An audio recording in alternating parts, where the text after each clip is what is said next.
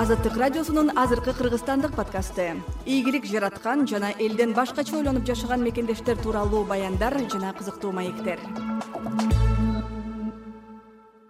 Азаттык бул жолу жалал абаддын облус борборунан үч жүз элүү чакырым алыста жайгашкан чаткал районунун жаңы базар айылына барды. Кеч кирип саат тогуз чамалады. Айылдын ортосунда аппак болуп сырдалган үйдүн ичи тышында жарык күйүп турган үй дароо көзгө көрүнөт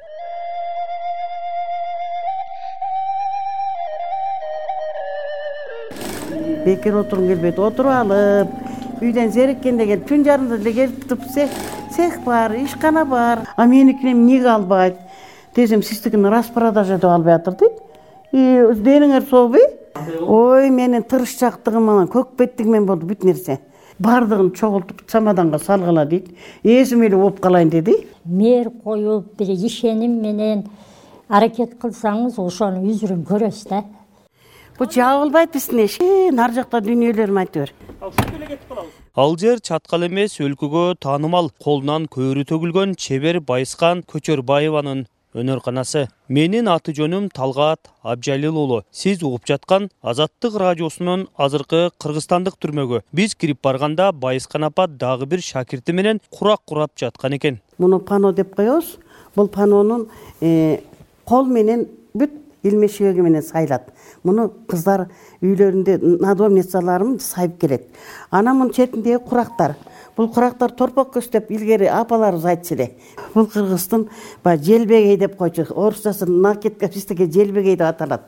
Муну жалаң гана кийиз менен анан жибеги өзбекстандын жибеги. Эки миң тогуздан баштап проект утуп алдык. Ошол проект менен имаратым ремонт болуп калды. Аябай жакшы болуп ошол ремонт менен жүн туткуч келди пахта туткуч келди. Мына кудайга шүгүр.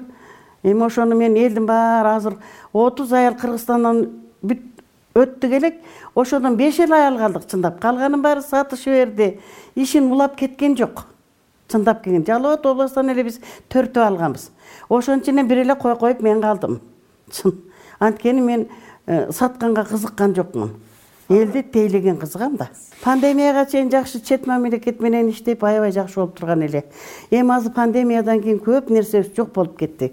Көп нерсеге учурап кеттик биздин дагы э, ишкана аябай э, үзгүлтүккө учурадык. Кредиттерди алдык эле. Алты процент десе тим эле сүйүнүп алып алган экенбиз. Ошолорду төлөп кыйналып мына азыр бир үч ай калды. Кудай буюрса бүтөт. Мына ушуларды мен сатканда көргөзмөгө эле чыга берем көргөзмө менсиз өтпөйт айнанайын эй каерде көргөзмө болсо эле желпилдеп жетип барып биринчи жолу мен турам ошол жерде. Ошол жерде ушундай муну сапаттуу анан баасын да туура коюш керек да. Жетимиш беш жаштагы байыскан көчөрбаева айылдагы кыз келиндердин башын кошуп кыргыздын көне өнөрүн улантып иш баштаганына кырк жылдан ашты байыскан апа менен анын шакирттеринин колунан чыккан кийиз шырдак чыптама белдемчи өңдүү буюм кийим кечелер азыр чет мамлекетке чейин сатылып жатат. Алардын жүндүү жибек кездемеге кылдат чебердик менен жасаган моюн орогучтары индияга кытайга чейин кетет. Апа алгач жолу индияга барып тапкан долларын кантип катканын айтып баарыбызды күлкүгө салды. Индияга барганда биринчи жолу шарпсаттан отурамбы? Долларды билбейм да анан колума жазып бергилечи десем эки миң он үчүнчү баргам. Анан колума жазып берди он доллар деп жазып коюшуптур да мен менен барган кыздар. Алар ушум да бишкектен барышкан. Мен анан оозуму ачып белени билейм отурум. Анан эми мен мынтип көрсөтүп коем шарп канча десе он долларды меникин албай эле тигилердикин алып кетет анан бир сендей кыз барган менеджер кызды ал мага ошентип нормальный айтпайбы анан мен айттым эми эмнеге меникин булар алып сатып атат? А меникини эмнеге албайт? Десем сиздикини распродажа деп албай атыр дейт дениңер сообу мен эмнеге распродажа кылам? Ке колума жазып бер нормальный кылып десем отуз доллар деп жазып берди колума отуз долларды мынтип келгенде мынтип куветиден бир аял келди чоң чамадан сүйрөп келген экен. Анан келип эле шарп канча? деди менен сурады эле. Мен мынтип колумду көрсөтсөм карап туруп эле баардыгын чогултуп чамаданга салгыла дейт. Эсим эле болуп калайын деди. Кой ушунун баарын алабы ушул. Отуз доллардан алабы биз байкушта анда арзан да. Он доллар чоң акча болуп атпайбы анан бир убакта карап белдемчими сат деди анан белдемчимди да сатып бердим жанагы эки жүз долларга. Анан доллар кылып алып көйнөкчү алдым. Сендей балдар менен баргам да. Анан барсам жана балдар айтып атпайбы апа баарын сатып бердиңиз. Эми тиги немелерге встречаларга кантип барабыз? Көйнөгүңүз менен чачпак жок белдемчи жок. Эми эмне кылып барабыз апа? Бекер эле сатып турмун да десем түнү менен уктасам эмне кылайын жана доллар түнү карап эле улам эле санап санап кайра салып коем жастыгымын алдына коем. Ушунча доллар болуп калды. Эмне кылам деп сүйүнүп тим эле кайра кайра санайм. Кайра бирөө алып отуруп жастыгымын астына коем.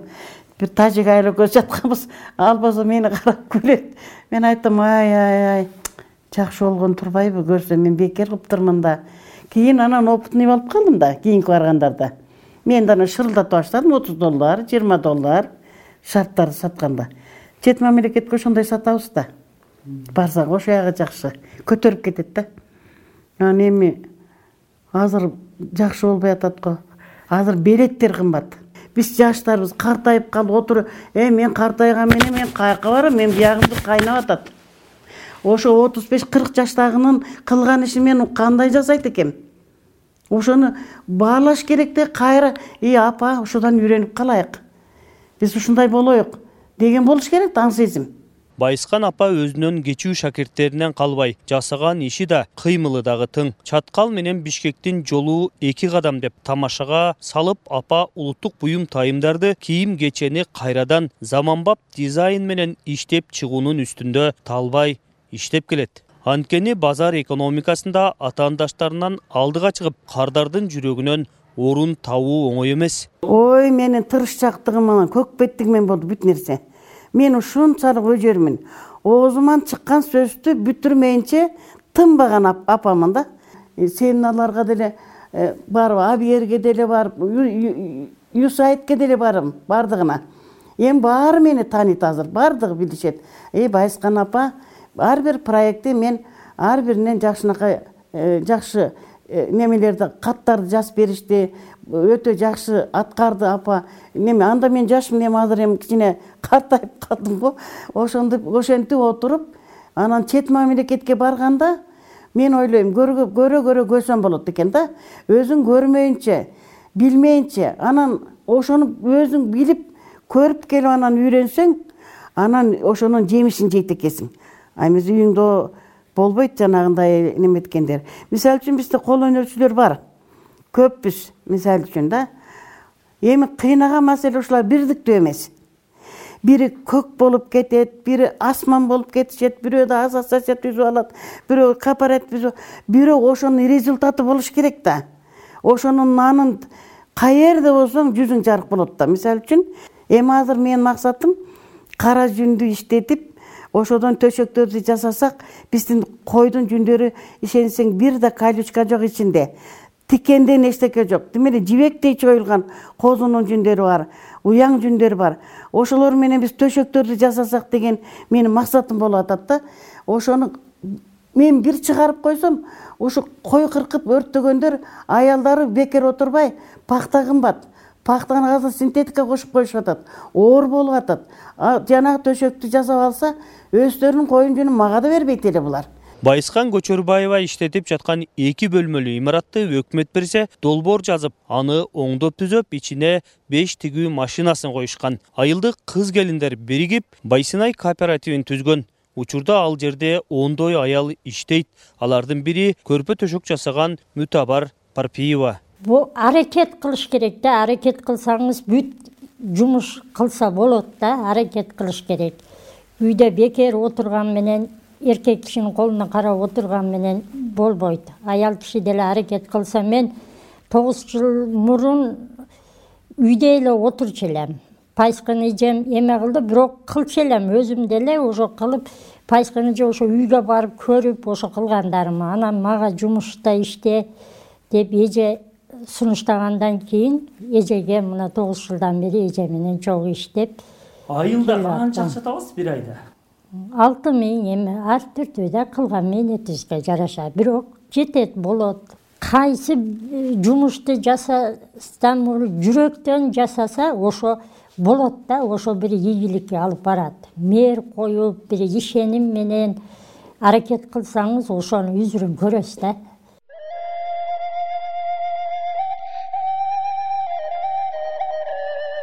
ошентип байыскан апа менен баарлашып айылды кыздардын колунан жаралган көз тайдырган буюмдарды карап отурганча түнкү саат он бир болуп кетти. Биз менен сүйлөшүп атып каарманыбыз өз жумуштарын бүтүргөнгө дагы үлгүрдү. Чебер айым ишканасынан чыгып эки кабаттуу үйүнө бизди ээрчитип барды. Бул жабылбайт биздин эшик. Нары жакта дүниелерим айта бер. Ушинтип эле кетип калабыз. Эми ташты коюп коем айлам жок ичинде каалдык ачык аркы жагында жабылбайт. Биринчи кабатында өзү жашаса экинчи кабаты мейманкана экен. Кире бериштеги чакан бөлмө мактоо баракчалары менен медалдарга толуп турат. Байыскан көчөрбаева кыргызстанда жана чет мамлекетте өткөн жарманкелерге катышып ал жерлерге өз колунан жасалган буюмдарын ала барып сатат. Эмгеги бааланып татыктуу сыйын дагы көрөт. Индияда жанагы барган көрдүңбү индияда түшкөндөрдүн баардыгы доллар тапканыңыз дагыбы доллар тапкан дагы. Уйкуңуз жок. Мынакей юнескодан алган знак качества неме мага берген. Мисс көчөрбаева деп знак качества эң буюму сапаттуу деп берилген. Ой кубоктордун баардыгы айттым го жана биринчиликтин баарын жеңе берген и алтын медалымды алып келейинчи каякта турат эле. Муну бекитип койдум эле бирөө уурдап кетпесин деп канча грамм алтын экен э кайдан билем? Сиз алтын деп берди ким билет? Жалатып эле койгондур буга. Ушунча алтын берип коюш каякта дейсиң каяктан алдыңыз эми ушунун тарыхын айтып муну бул деген торговый промышленный палатанын мүчөсүмүн да он үч жылдан бери. Айттым го жыйырма беш жолу катышыптырмын деп. Ошондо былтыр күзүндө жыйырма беш жолу катышканыма золотой медаль берди. Ошондо эки жактын баарын бириктирген биздин апабыз алыскы жолго көпүрө болгон деп менин арын олдостун айымы деп медаль менен берген. Медаль деген ого эле көп жарманка башталды дегенде эле шымаланып түрүнүп жөнөйсүз. Ооба анан эмне кылайын? Антпесем кирет төгүш керек могу иштегендерге айлык бериш керек материал алыш керек. Аларга чындап эле кантип төлөп бересиз? Төлөп берем. Өзүм жебесем да ошолорго төлөйм э. Анткени бүтүп келип отуруп алышат кана мынча курак курадым дейт. Мисалы үчүн бирөө келип жүз курак курап келип кетеби анан он беш сомдон ары материал бүт алып берем жеби шугу бүт баарын болгондо тигип эле курап келген кичине эле бир көзүнө он беш сомдон төлөнөт. Ойлоп көрө бер ага төлөйсүң. Анан кайра эле эки күнөн кийин дагы эле ошентип бүтүп келип калышат.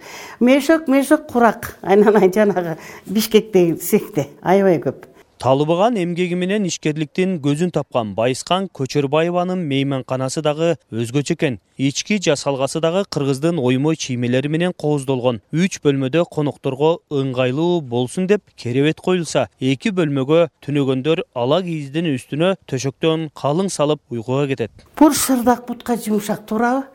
Анан килем салбай эле комнаталарга атайын шырдактар салып койдум келген адамдар экологиялык таза деп жасап койдум муну.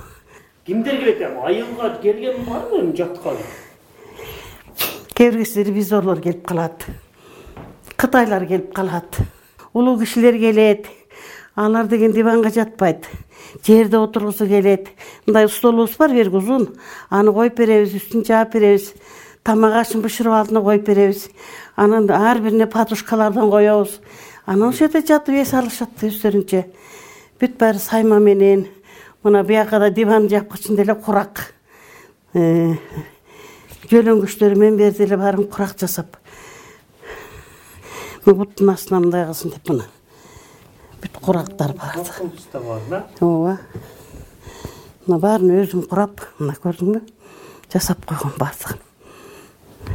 Бул кыргыздын бир этносу да бул жерде мен апам мен ушул жерге жаңы заведующий цех болуп келгенде түшкөм бул менин сулуу чалым ыя мен бул он жети жашымдагы бул. Э, бул берги берги отуз алтымда келгем отуз төртүндө ошондо кайсы жактан келдиңиз сиз? Бияка келин окшойсуз анда менби мен өзү алыбыканын келинимин анан күйөөм ушул жака агроном болуп келип калып анан кийин эле ушул жака туруп калдык. Мен бишкекте болдум. Өзүм Э, таласта чоңойгом. Өзүм чындап келгенде э, чаткалын эле кызыл токойунан болот экенбиз. Кийин атам кийин көчүп келди. Э, ошо менен мен анан бияка турмушка чыгып калдым. Ошо менен биз бияка келип мен ошентип эле иштеп калдым. Анан приватташтырганда ушуну сатып алайын деп сатып алып койдум. Бир жүз он сегиз миң рубльге